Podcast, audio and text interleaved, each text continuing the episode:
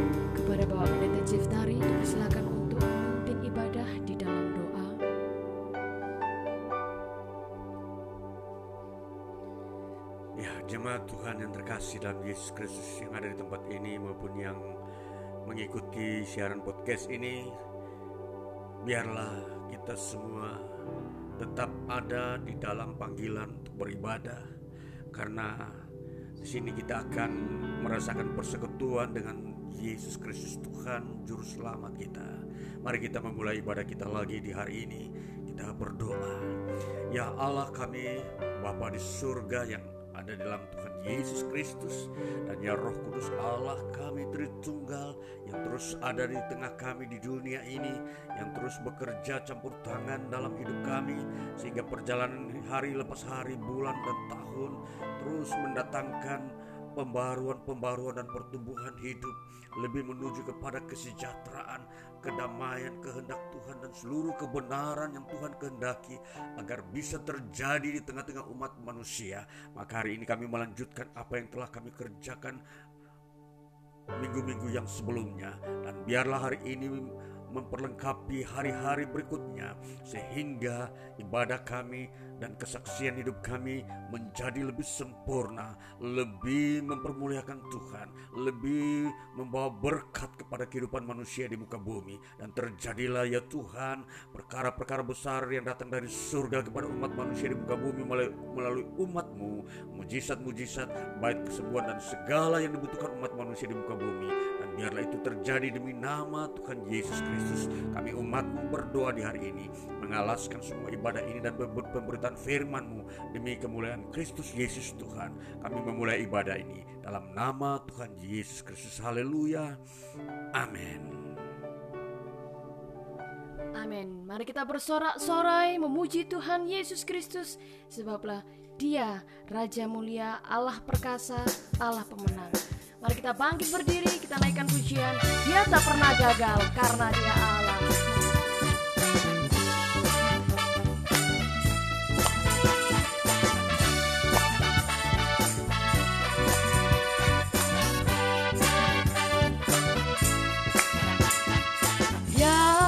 pernah gagal karena dia Allah dia tak pernah lalai dia jamin firmannya. Sebab dia Allah raja segala raja. Kekuatanku perisaiku dan gunung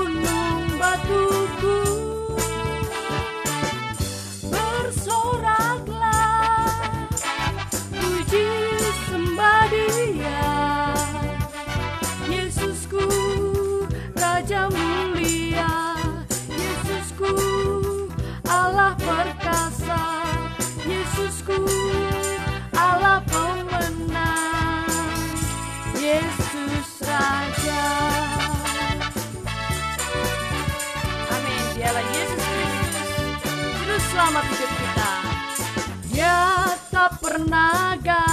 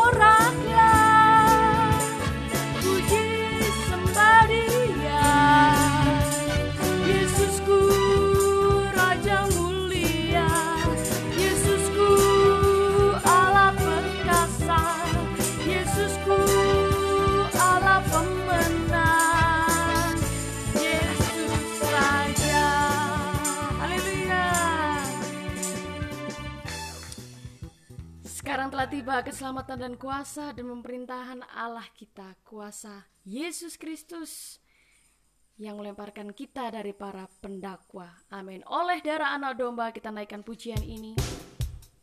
Iblis dikalahkan. Amin.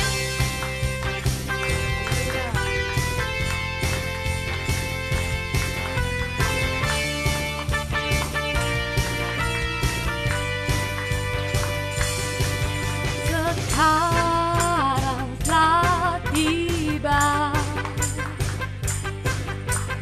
keselamatan dan kuasa. Dan pemerintahan Allah kita kuasa dia yang diurapinya. Karena telah dilemparkannya para pendakwa kita. Sekarang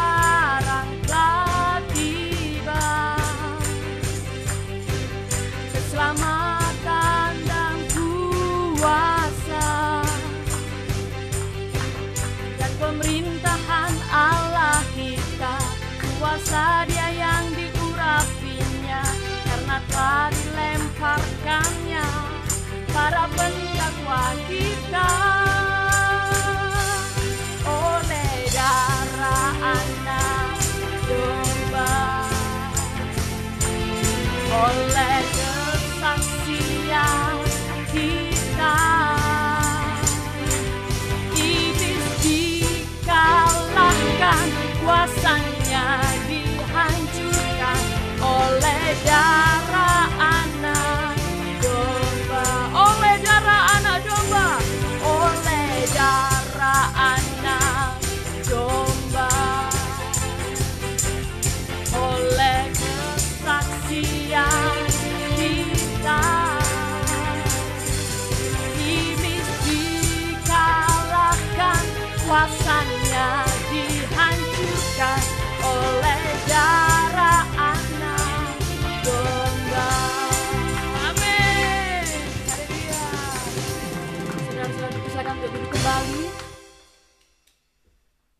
Tiba saatnya kepada saudara-saudara yang ingin memberikan kesaksian dipersilahkan.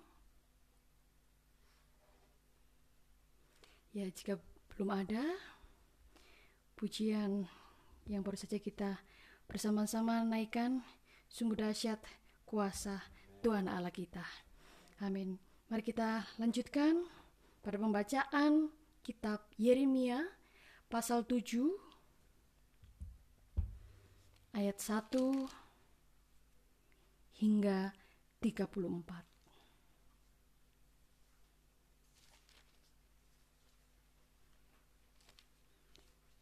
Yeremia 7 ayat 1 hingga 34.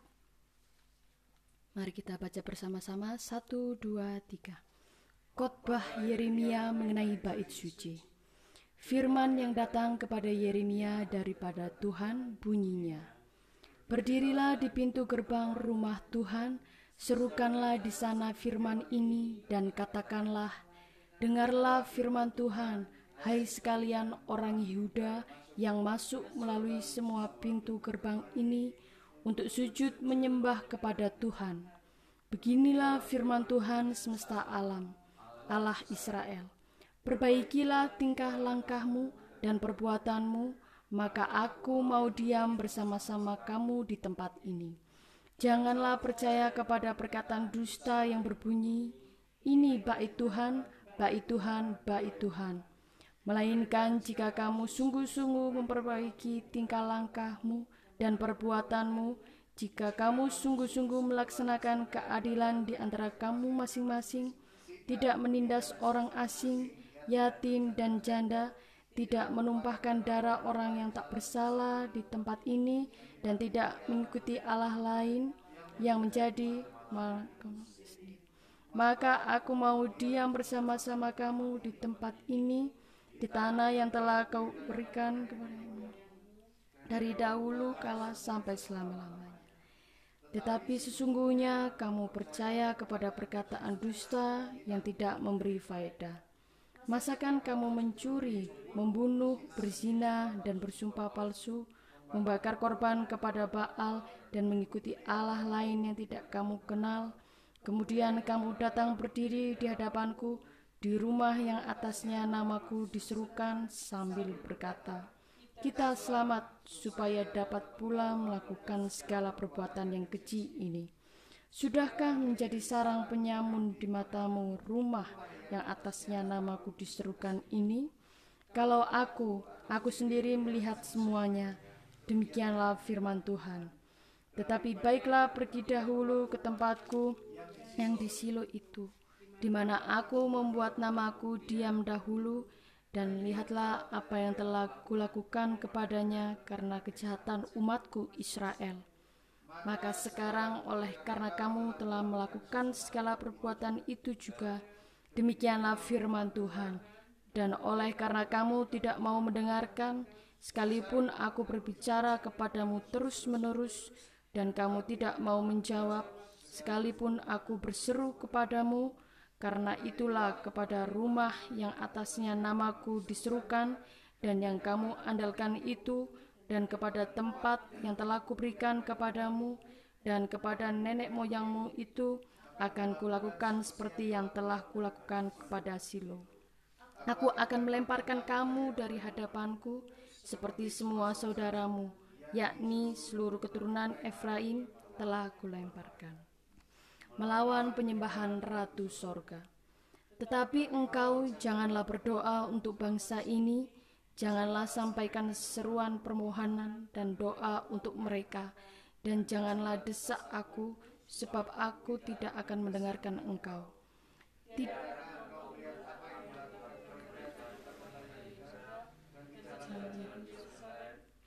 Anak-anak memungut kayu bakar, bapak-bapak menyalakan api, dan perempuan-perempuan meremas adonan untuk membuat penganan persembahan bagi Ratu Surga, dan orang mempersembahkan korban curahan kepada Allah lain dengan maksud menyakiti hatiku. Hatikukah sebenarnya yang mereka sakiti? Demikianlah firman Tuhan. Bukankah hati mereka sendiri sehingga mereka menjadi malu? Sebab itu beginilah firman Tuhan Allah. Sesungguhnya murkaku dan kehangatan amarahku akan tercurah ke tempat ini, ke atas manusia, ke atas hewan, ke atas pohon-pohonan di padang, dan ke atas hasil tanah. Amarah itu akan menyala-nyala dengan tidak padam-padam, melawan ibadah tanpa kesetiaan. Beginilah firman Tuhan semesta alam, Allah Israel. Tambah sajalah korban bakaranmu kepada korban sembelihanmu dan nikmatilah dagingnya. Sungguh pada waktu aku membawa nenek moyangmu keluar dari tanah Mesir, aku tidak mengatakan atau memerintahkan kepada mereka sesuatu tentang korban bakaran dan korban sembelihan. Hanya yang berikut inilah yang telah kuperintahkan kepada mereka. Dengarkanlah suaraku, maka aku akan menjadi Allahmu dan kamu akan menjadi umatku, dan ikutilah seluruh jalan yang kuperintahkan kepadamu, supaya kamu berbahagia. Tetapi mereka tidak mau mendengarkan dan tidak mau memberi perhatian, melainkan mereka mengikuti rancangan-rancangan dan kedigilan hatinya yang jahat, dan mereka memperlihatkan belakangnya dan bukan mukanya. Dari sejak waktu nenek moyangmu keluar dari tanah Mesir sampai waktu ini, Aku mengutus kepada mereka hamba-hambaku, para nabi, hari demi hari terus menerus. Tetapi mereka tidak mau mendengarkan kepadaku dan tidak mau memberi perhatian, bahkan mereka menegarkan tengguknya, berbuat lebih jahat daripada nenek moyang mereka. Sekalipun engkau mengatakan kepada mereka segala perkara ini, mereka tidak akan mendengarkan perkataanmu. Dan sekalipun engkau berseru kepada mereka, mereka tidak akan menjawab engkau. Sebab itu, katakanlah kepada mereka, Inilah bangsa yang tidak mau mendengarkan suara Tuhan Allah mereka dan yang tidak mau menerima penghajaran. Ketulusan mereka sudah lenyap, sudah hapus dari mulut mereka. Penyembahan berhala dan akibatnya. Cukurlah rambut kepalamu dan buanglah. Angkatlah ratapan di atas bukit-bukit gundul, sebab Tuhan telah menolak dan membuang bangsa yang kena murkanya. Sungguh, orang Yehuda telah melakukan apa yang jahat di mataku. Demikianlah firman Tuhan, telah menempatkan dewa-dewa mereka yang menjijikkan di rumah yang atasnya namaku diserukan ini untuk menajiskannya.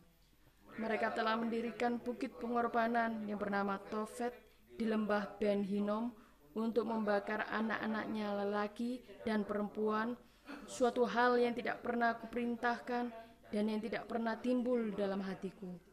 Sebab itu sesungguhnya waktunya akan datang, demikianlah firman Tuhan, bahwa orang yang tidak akan mengatakan lagi Tofet dan lembah Ben Hinom, melainkan lembah pembunuhan. Orang akan menguburkan mayat di Tofet karena kekurangan tempat, bahkan mayat bangsa ini akan menjadi makanan burung-burung di udara serta binatang-binatang di bumi dengan tidak ada yang mengganggunya. Di kota-kota Yehuda serta di jalan-jalan Yerusalem akan kuhentikan suara kegirangan dan suara sukacita, suara pengantin laki-laki dan suara pengantin perempuan, sebab negeri itu akan menjadi tempat yang tandus. Demikian pembacaan kitab Yeremia. Mari kita bersama-sama menyiapkan hati kita karena selanjutnya kita akan mendengarkan penyampaian firman Tuhan. Kita sambut firman Tuhan melalui pujian penyembahan kehadiratnya yang kuasa melalui pujian ini. Kerajaanmu datanglah, kehendakmu jadilah di bumi seperti di sorga.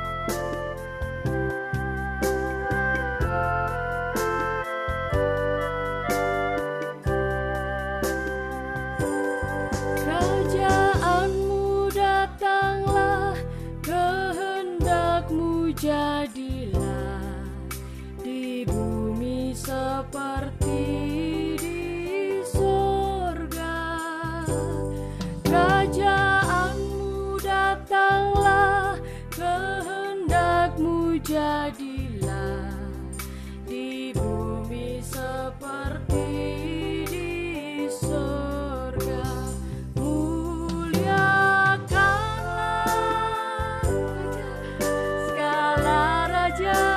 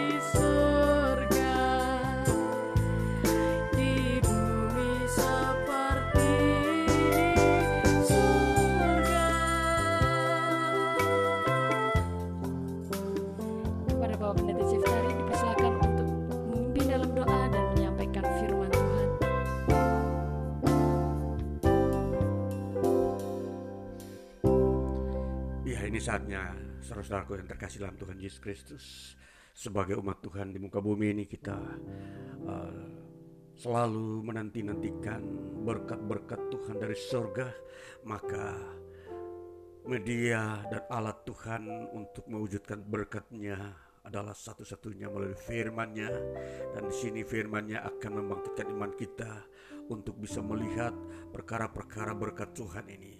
Itulah sebabnya dengan kerendahan hati mari kita menghadap hadirat Tuhan supaya kita dapat mendengarkan firman Tuhan dengan baik. Mari kita berdoa. Ya Tuhan, sesungguhnya Engkau memandang dari surga dan Engkau sedang hadir di tengah umatmu yang juga merindukan kehadiran Tuhan di dalam hidupnya. Maka hari ini ya Tuhan, mewakili hari-hari yang kami jalani, maka kami sangat merindukan kuasa kehadiran Tuhan, perbuatan tangan Tuhan di tengah kami untuk bekerja memberkati hidup kami ini. Hidup kami akan berguna dan berbuah jika Tuhan memberkati dan semua ini kami percaya hanya lewat permohonan doa yang kami sampaikan kepada Tuhan di hari-hari hidup kami dan di hari ibadah kami. Biarlah ini menjadi uh, suatu wujud nyata bahwa Tuhan berkenan kepada kami umatmu untuk selalu uh, memohon meminta daripadamu berkat-berkat kehidupan, berkat yang membangun iman dan berkat yang membangun jiwa dan tubuh kami di dunia ini. Maka berfirmanlah ya Tuhan, kami percaya Tuhan memberkati dan kami dikenyangkan olehmu sendiri. Di dalam nama Tuhan Yesus Kristus kami berdoa dan bersyukur haleluya. Amin.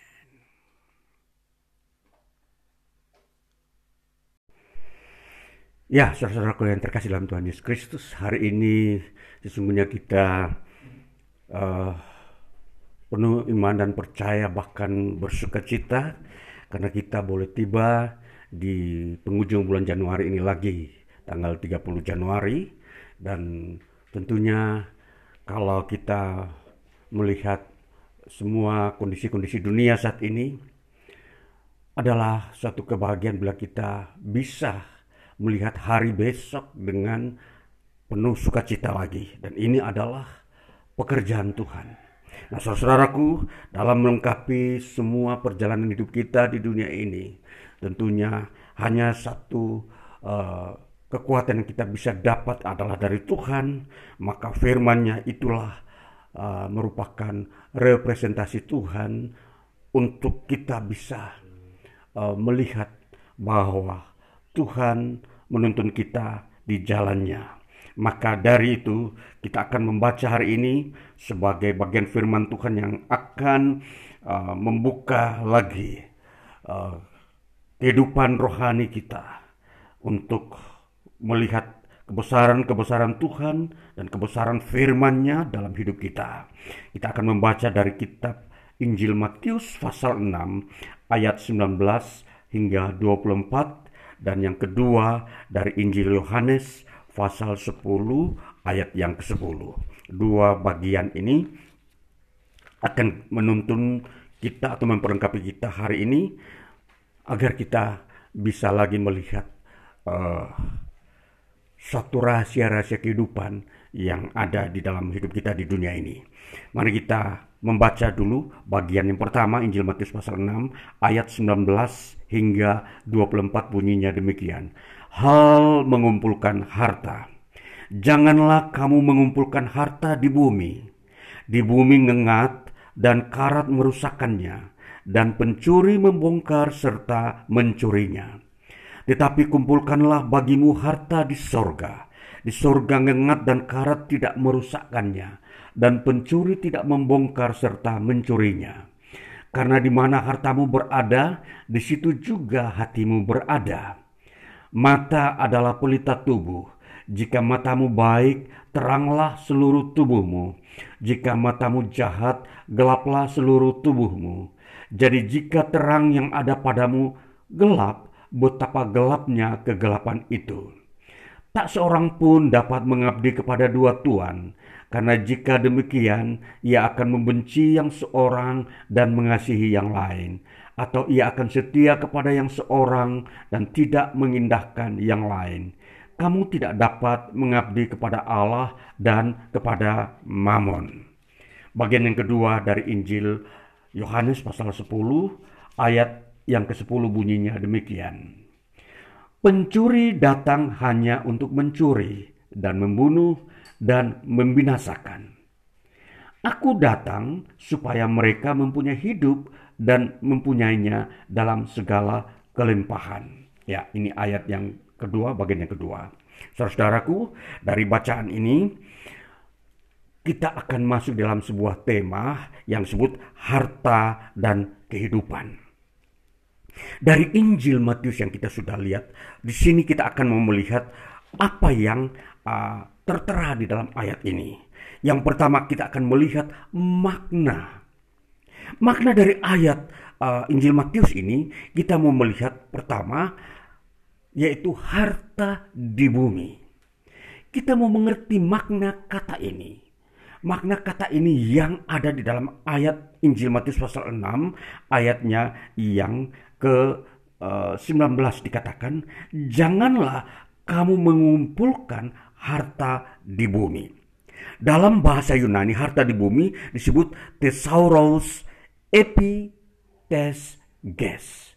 Nah, thesauros artinya itu harta yang uh, memang bersumber dari bumi.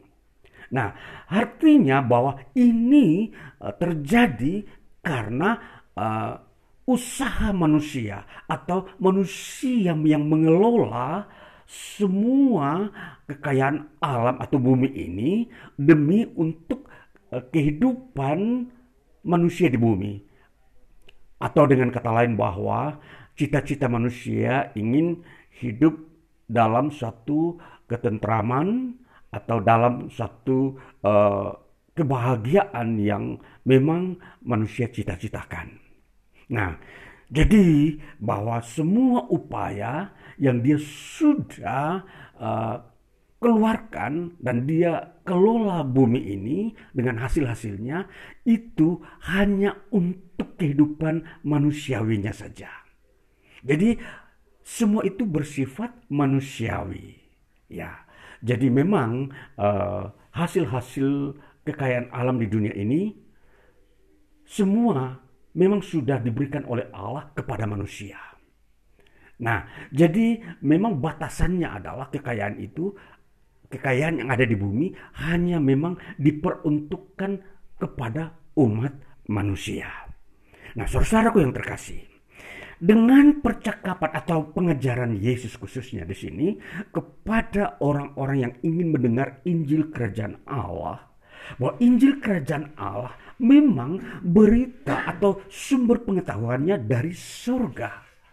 Nah, itu berarti bahwa pengetahuan yang berisi tentang kerajaan surga ini membicarakan tentang kehidupan kekal, bukan kehidupan di bumi ini.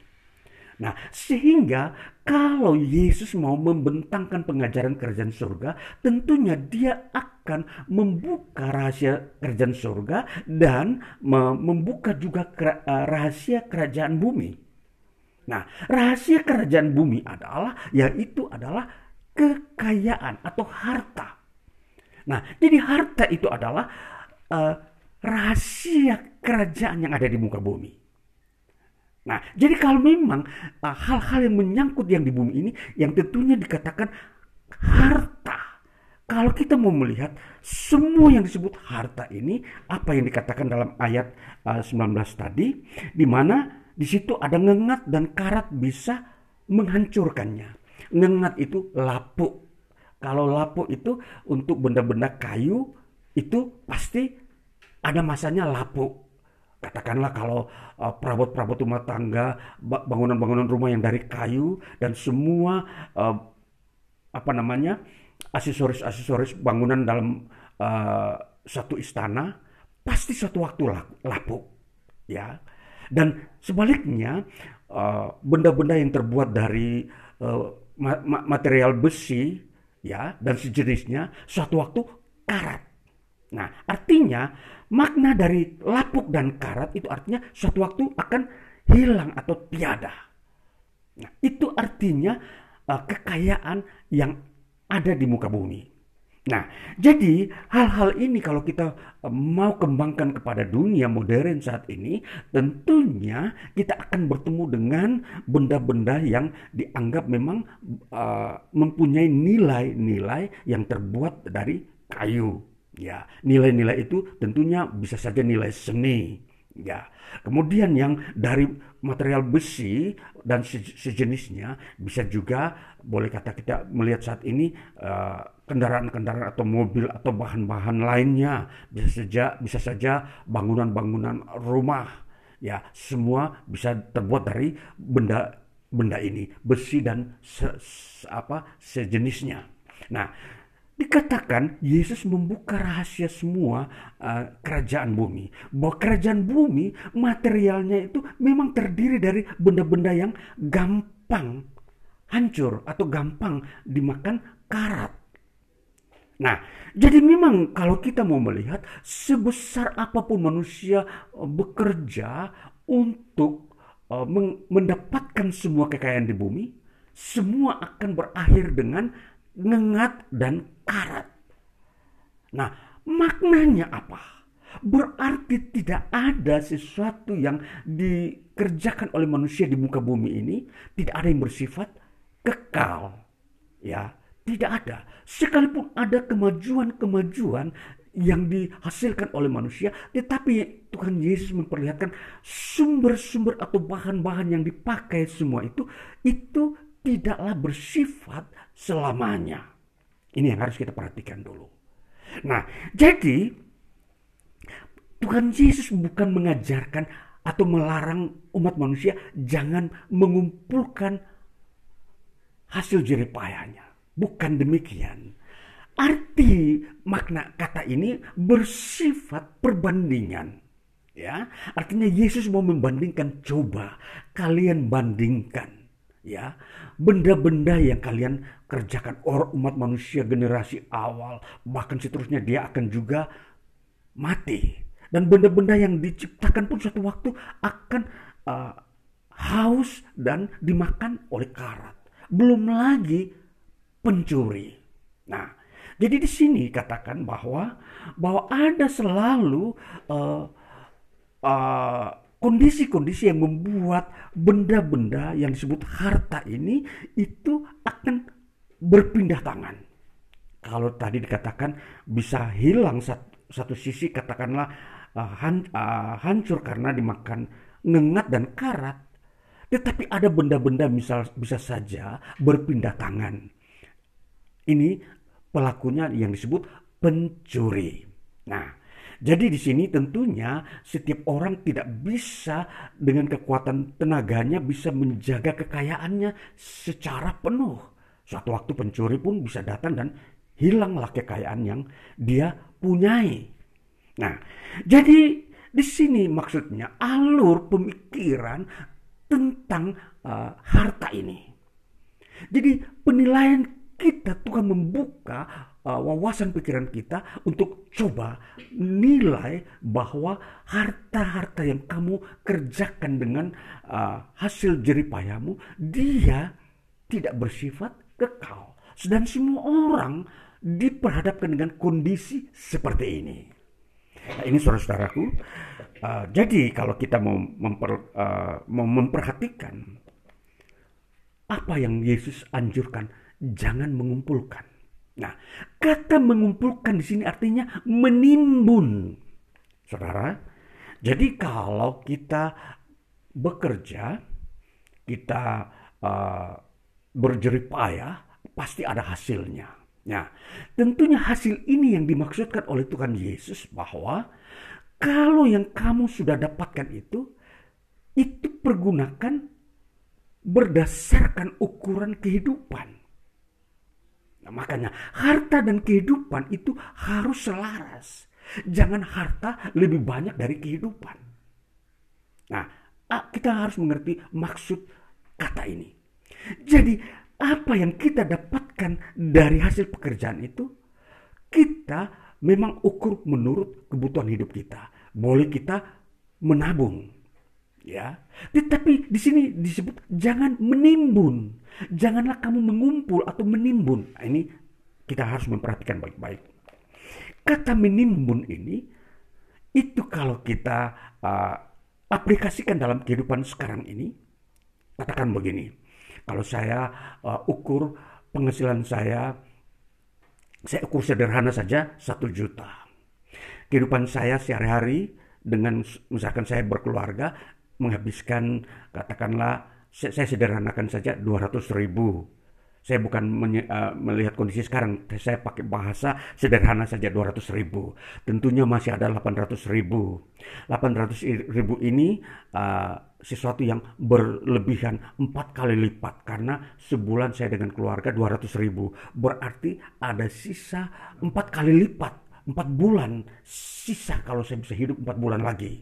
Nah, perhitungannya bahwa kalau menimbun berarti bahwa saya hanya hidup untuk diri sendiri. Jadi hasil saya yang 800 ribu ini saya simpan. Saya simpan lagi, simpan lagi bulan berikut, simpan, simpan. Dan memang sepanjang tahun itu katakanlah kalau saya hidup 80 tahun maka hanya 80 tahun itu saya meng, uh, mengumpulkan, saya menimbun semua hasil kerja saya.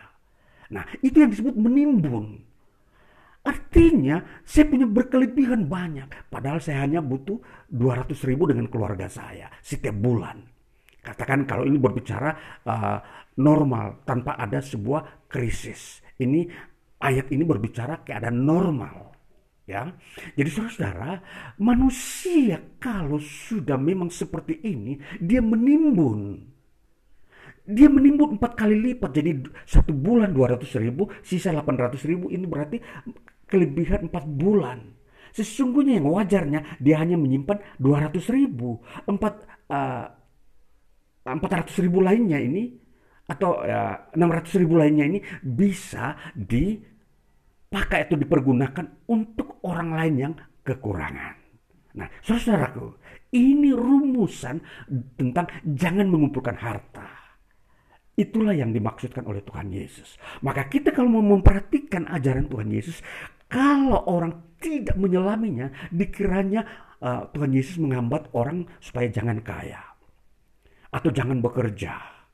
Nah, Sesungguhnya standar kekayaan adalah begini. Seperti saya contoh tadi, kalau saya penghasilan satu juta ya, nah, saya sudah gunakan keperluan saya dengan keluarga 200 ribu saja. Nah, 200 ribu sisanya itu adalah sebuah uh, katakanlah uh, cadangan hidup atau keperluan-keperluan yang memang kita uh, bisa tingkatkan kualitas hidup. Nah, ini yang disebut 200 ini sudah disebut kaya. Nah, sisanya kalau ada 600 ribu, itu sebenarnya tidak perlu ditimbun. Itu digunakan untuk keperluan orang yang membutuhkan. Makanya apa yang Tuhan Yesus ajarkan sebelumnya waktu saya khotbahkan tentang memberi sedekah, itu dipergunakan untuk memberi sedekah kepada orang yang membutuhkan. Dan inilah yang akan menjadi upah bagi orang-orang yang percaya.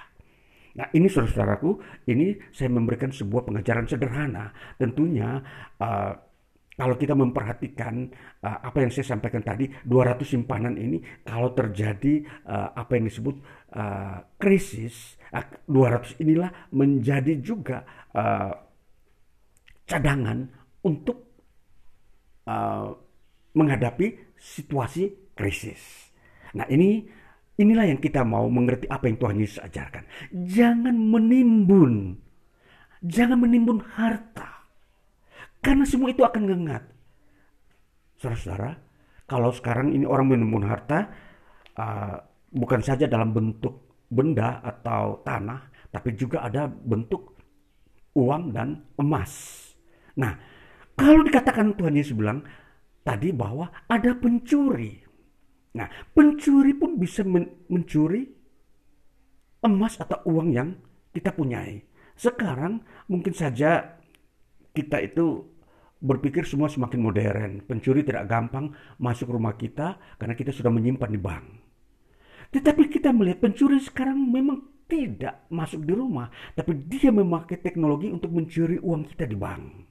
Nah, itu yang dimaksudkan pencuri. Nah, jadi memang kita lihat perhatikan apa yang Tuhan Yesus ajarkan selalu relevan dengan uh, kondisi teknologi.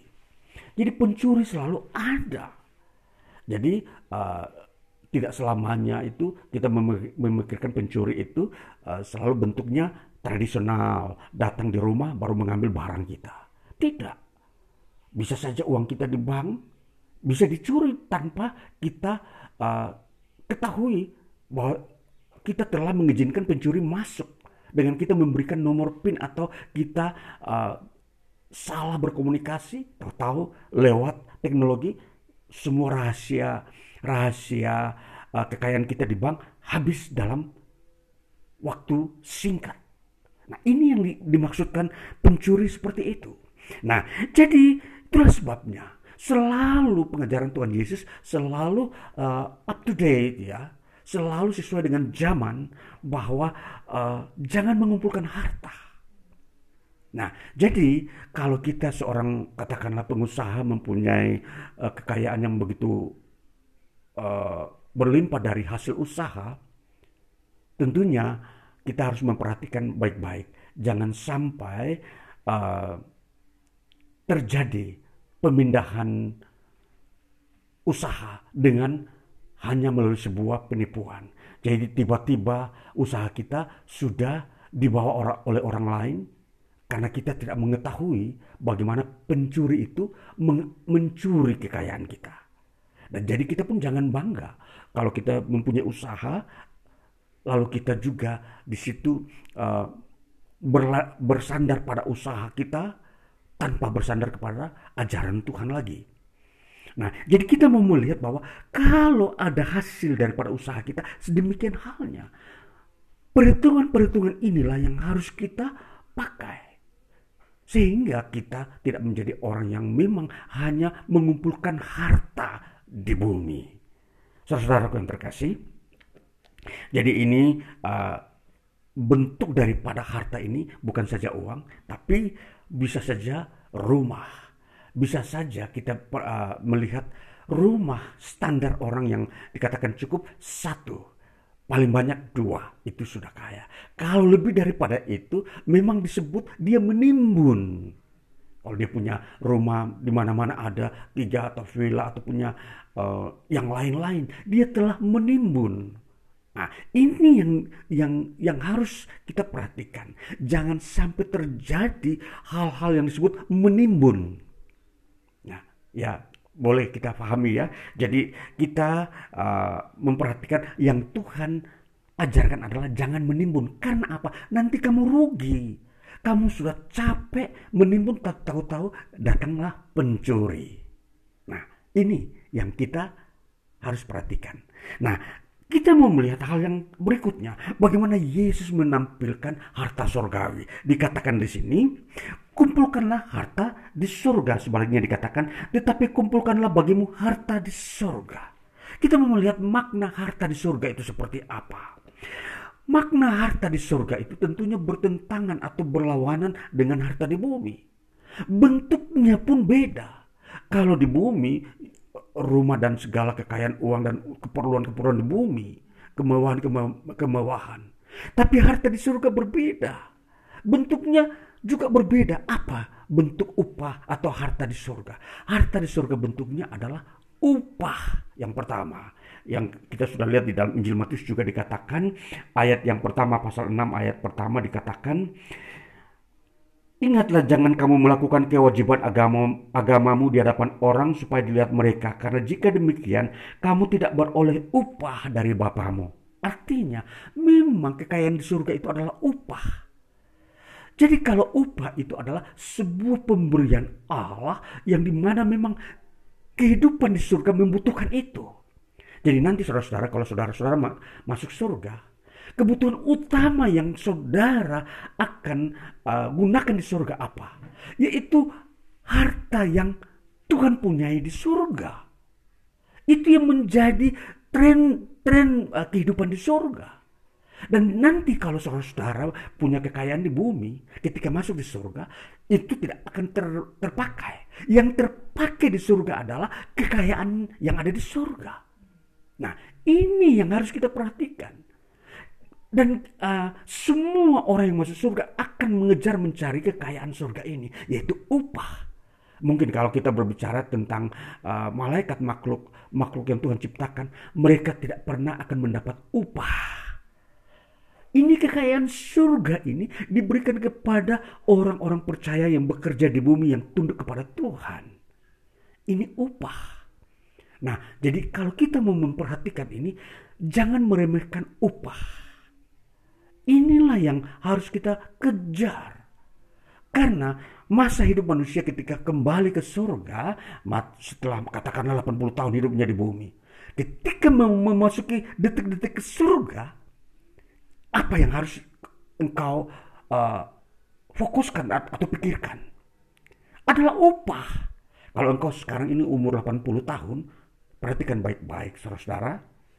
Hidupmu sudah tidak panjang lagi, yang harus kau pikirkan adalah upah.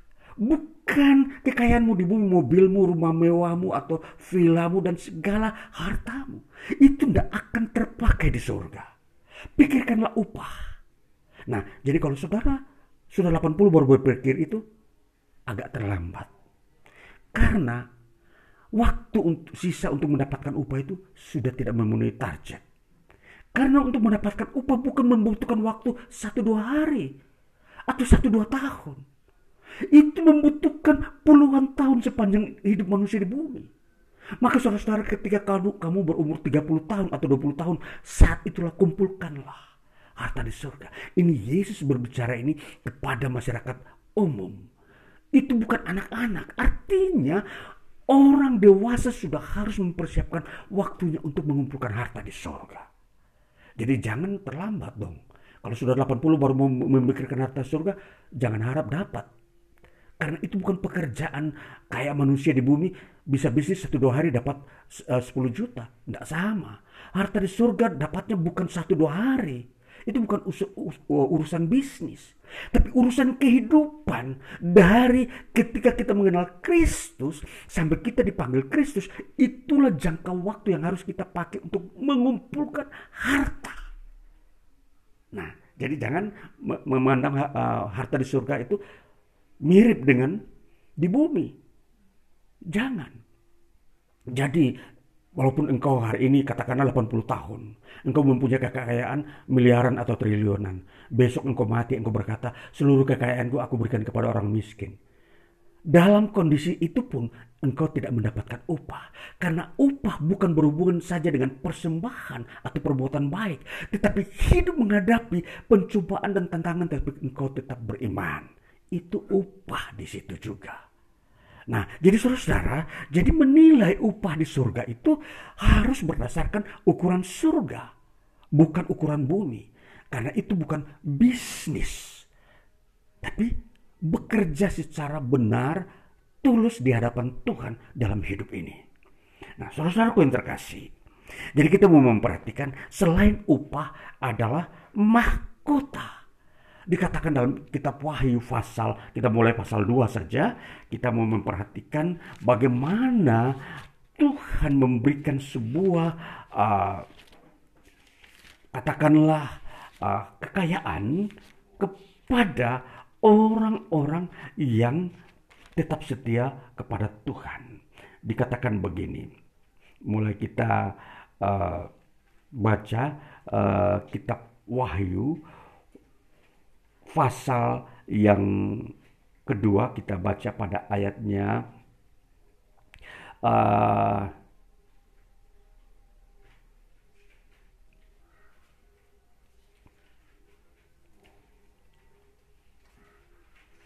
Ya, ayatnya yang ke-26 sampai 28 salah satu contoh kita baca. Dan barang siapa menang dan melakukan pekerjaanku sampai kesudahannya kepadanya akan kukaruniakan kuasa atas bangsa-bangsa. Dan ia akan memerintah mereka dengan tongkat besi. Mereka akan diremukan seperti tembikar tukang periuk sama seperti yang kuterima dari Bapakku. Dan kepadanya akan kukaruniakan bintang timur.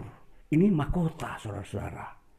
Mahkota ini sesuatu hak yang akan dia lakukan di sorga, yaitu memerintah. orang yang mendapat mahkota dialah yang mempunyai status untuk memerintah bersama Kristus. Barang siapa menang dan melakukan pekerjaanku sampai ke kesudahannya. Kepadanya ku karuniakan kuasa atas bangsa-bangsa. Ini mahkota, mahkota memerintah. Nah ini saudara-saudaraku, kalau kita mau memperhatikan upah di surga, ini dia memerintah itu adalah upah atau katakanlah uh, up, uh, kekayaan. Nah, jadi berbeda. Jadi tentunya kita memperhatikan bahwa uh, makna daripada mengumpulkan harta di surga seperti ini. Jadi kalau kita berkata mau memerintah bersama Yesus lalu hanya dalam sehari kita percaya kepada Yesus atau kita ber, bertobat, kita tak, tidak akan dapat mahkota seperti itu. Jadi perhitungkanlah dengan baik. Kalau engkau masih umur 20 tahun, mulailah kerjakan pekerjaan Tuhan. Jangan hanya mementingkan kekayaan dunia ini. Ini sebuah rahasia yang Yesus Kristus bukakan kepada umat manusia supaya engkau tidak terlambat di dalam mengumpulkan harta. Karena mengumpulkan harta sekali lagi saya katakan bukan dalam satu hari harus sepanjang hidup. Mulai ketika engkau mulai mengenal Kristus, ketika katakanlah engkau 20 tahun, sampai engkau 80 tahun, itulah masa mengumpulkan harta. Jadi, perhatikan, ini bagian yang harus kita mengerti. Dan tentunya uh, apa yang Tuhan Yesus sampaikan bahwa uh, sekali lagi bahwa prioritas Allah dan kerajaannya itu adalah utama. Prioritas itu artinya hal yang diutamakan, yang di, harus diperhatikan. Bukan dunia dan kekayaannya. Sekali lagi, kita boleh kaya, tetapi kita tidak boleh menimbun kekayaan. Oke, jadi ini harus pemahamannya seperti itu. Jadi kita hidup harus benar-benar mengutamakan bagaimana kita mendapatkan harta surgawi. Dan dikatakan lagi bahwa tentunya jangan kita menyesal kalau kita uh, uh, tidak mengikuti apa yang Tuhan Yesus anjurkan. Satu waktu orang-orang yang mengumpulkan harta, menimbun harta akan habis hilang. Bisa saja lewat bencana, bencana alam, bisa saja gempa bumi, bisa saja tsunami, itu bisa membawa semua uh, harta yang kita timbun. Perhatikan baik-baik. Jadi masih ada unsur-unsur yang lain, bukan saja pencuri yang memang uh, bisa membawa habis kekayaan-kekayaan kita. Nah, sekali lagi kita mau melihat. Yang kedua, Injil Yohanes pasal yang ke-10 ayat 10 kita mau memahami tentang istilah pencuri. Di dalam Yohanes pasal 10 ayat 10 dikatakan, pencuri datang untuk mencuri. Dikatakan pencuri datang hanya untuk mencuri dan membunuh dan membinasakan. Tetapi Yesus datang supaya mereka mempunyai hidup dan mempunyainya dalam segala kelimpahan siapakah pencuri di dalam suatu gambaran uh, simbol daripada pencuri ini sebenarnya iblis Nah, jadi kalau kita memperhatikan bahwa kalau kekayaan itu misalkan diambil oleh pencuri, maka pribadi pencuri ini adalah iblis. Bentuk-bentuk uh, yang iblis bisa uh, gunakan untuk menghanguskan kekayaan manusia bagaimana? Yaitu salah satu tadi, bisa saja bencana, bisa saja perang, bisa saja penyakit. Tiga unsur ini yang dikerjakan oleh iblis di muka bumi untuk menghancurkan semua kekayaan jeripaya manusia. Kalau sudah terjadi perang, semua kekayaan tidak ada gunanya. Kalau sudah terjadi penyakit, merajalela pun kekayaan tidak ada gunanya. Pun demikian, kalau terjadi bencana, itu akan menghancurkan seluruh kekayaan, baik rumah mewah, semua gedung-gedung yang yang dibangun miliaran triliunan dengan kekuatan-kekuatan yang yang yang melampaui batas pun bisa hancur, tenggelam. Dan kalau itu sudah hancur, maka rugilah semua pengharapan manusia, jeripayah manusia. Nah inilah kita harus perhatikan. Ada satu pribadi yang disebut pencuri yang bisa menghancurkan kekayaan kita. Yang disebut iblis.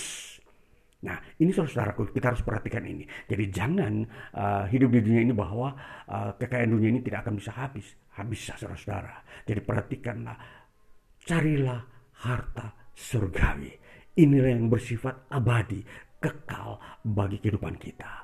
Tuhan Yesus memberkati kita semua memasuki hari-hari ke depan supaya kita uh, menggunakan waktu kita untuk mengumpulkan harta di surga. Tuhan Yesus memberkati kita. Haleluya. Amin. Mari kita masuk di dalam doa syafaat kita supaya kita diteguhkan di uh, bawah di dalam sebuah kondisi kehidupan yang benar-benar siap melakukan pekerjaan Tuhan. Mari kita berdoa. Kami bersyukur Bapa Tuhan kami Yesus Kristus yang telah berfirman mengajarkan bagaimana kehidupan berkenan kepada Kristus Yesus di masa-masa akan datang. Bahwa hidup ini di dunia ini kami uh, harus memperhatikan bekerja untuk Tuhan mengumpulkan harta surgawi yang tentunya mempunyai nilai kekekalan. Tuhan memberikan uh, upah-upah bagi kami yang mengumpulkan harta dan memberikan mahkota-mahkota sebagai suatu kerja hasil uh, kami kepada Kristus Yesus. Kami bekerja untuk Kristus Yesus dan kami akan menerima upah mahkota dari Kristus ialah memerintah bersama Kristus. Maka hari ini Tuhan kami berdoa supaya kami memperhatikan masa-masa kehidupan kami di bumi, semasa kami muda, masa umur uh, bisa saja 20 tahun, biar, biarlah itu bisa mulai dikerjakan oleh kami umatmu. Kami memperhatikan betapa pentingnya mengerjakan pekerjaan Tuhan. Dan ini akan memberikan keuntungan bagi kami yang mau mengerti firman dan kehendak Kristus Yesus. Tuhan Yesus terima kasih meteraikan firmanmu bagi kami. Roh Kudus menguatkan dan terus membuka wawasan bagi kami. Sehingga kami mau mengerti jalan hidup ini di dunia. Jalan yang hanya Tuhan tentukan satu jalan. Ialah bekerja mendatangkan upah di surga maka kami mau menengadah menengadahkan wajah kami kepada Tuhan Yesus Kristus. Wah inilah kami Tuhan, kami mempersembahkan hidup kami, kami mau mengerjakan pekerjaan-pekerjaan yang membawakan upah di surga.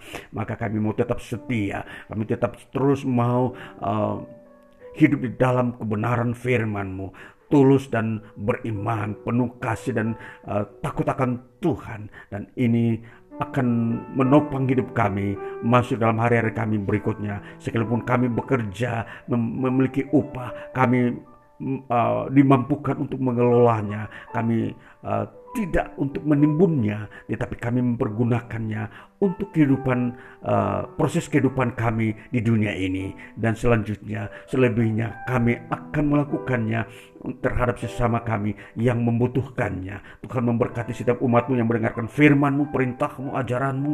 Mereka yang mendengarkan tempat ini maupun lewat uh, berita-berita podcast maupun YouTube. Dalam nama Tuhan Yesus berkati umatmu dan berikan pengharapan, kekuatan, sukacita. Kami berjalan di dalam terang Tuhan. Terima kasih Bapa di surga. Maka ini hidup kami, kami serahkan ke dalam tanganmu, persembahkan. Tuhan berkati sehingga hari-hari ibadah kami terus bertumbuh dan uh, membawa mem, menghasilkan buah-buah kehidupan dan buah-buah iman di dunia ini. Terima kasih kami berdoa menyerahkan hidup kami, kerja kami, besok dan seterusnya di mana kami berada. Tuhan berkati kami percaya, Tuhan mengendaki kami bekerja dan Tuhan memberkati, membuka uh, pintu-pintu berkatmu baik mereka yang wira swasta, membuka usaha dan pekerjaan-pekerjaan yang sederhana saat-saat ini di mana pun mereka berada di berbagai-bagai instansi pemerintah maupun swasta berkati setiap umatmu yang uh, siang malam mereka bekerja kami percaya mereka mengerti firmanmu apa yang mereka terima dari Tuhan mereka gunakan pergunakan untuk kehidupan dan memuliakan Tuhan. Dan biarlah damai sejahtera turun atas setiap pribadi umatmu rumah tangga di mana pun mereka tinggal dan berada dan bekerja di situ kemuliaan Tuhan ada. Berkati pemberitaan firmanmu hamba-hambamu yang membutuhkan firmanmu. Tuhan teguhkan dan kuat kuatkan dan tetap pakai dan peliharakanlah mereka dan keluarganya sehingga nama Tuhan dipermuliakan berkati lingkungan di mana kami tinggal dan berada dan bekerja berkati tengah di tengah kami hidup berbangsa dan bernegara. Tuhan memberkati semuanya itu sehingga kemuliaan Tuhan memenuhi dan semakin banyak orang diselamatkan diberkati Tuhan dalam hidup ini. Dan mereka semua semakin mengerti rahasia kerajaan surga yang Tuhan sediakan bagi setiap orang. Terima kasih oh Bapa, kuduskan kami, jamah dan sembuhkan mereka yang sakit hari ini, mereka yang membutuhkan pertolongan-pertolongan untuk pemulihan-pemulihan hidup, eh, pengajaran-pengajaran untuk eh, menuju kepada jalan kebenaran itu biar semakin terbuka dan Injil Tuhanlah yang menjadi sumber dasar kehidupan bagi setiap orang di muka bumi untuk menemukan kebenaran-kebenaran hidup di muka bumi. Terima kasih oh Bapak Roh Kudus menolong kami memberkati setiap orang saat-saat ini. Terpujilah Bapa Tuhan Yesus Kristus yang telah mendengarkan doa kami dan yang telah menyediakan berkat-berkat bagimu. Turunlah berkat dari surga atas kami setiap kami pribadi dan keluarga, atas setiap orang-orang percaya mereka yang mendengarkan firman-Mu. Turunlah memenuhi hidup mereka dari surga dan kasih karunia dari Bapa dan persekutuan dengan Yesus Kristus senantiasa memenuhi hidup roh jiwa kami dan penghiburan Roh Kudus menyertai kami semua hari ini terus sampai selama-lamanya. Dan kami berdoa sesuai dengan apa yang Tuhan ajarkan kepada kami. Bapa kami yang di surga, dikuduskanlah namamu, datanglah kerajaanmu, jadilah kehendakmu di bumi seperti di surga. Berikanlah kami pada hari ini makanan kami yang secukupnya, dan ampunilah kami akan kesalahan kami, seperti kami juga mengampuni orang yang bersalah kepada kami. Dan janganlah membawa kami ke dalam pencobaan, tetapi lepaskanlah kami daripada yang jahat, karena engkau yang punya kerajaan, kuasa dan kemuliaan sampai selama-lamanya. Terima kasih Yesus. Terima kasih Yesus. Puji syukur hanya bagimu ya Allahku ya Tuhanku. Terima kasih Yesus.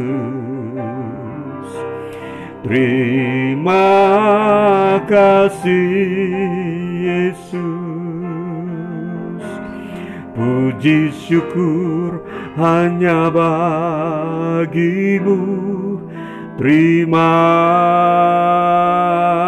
kasih. Yesus Bapak terima kasih untuk kasih firman dan kuat kuasa berkatmu di dalam hidup kami ini. Di dalam nama Tuhan Yesus Kristus kami berada dan bersyukur. Haleluya. Amin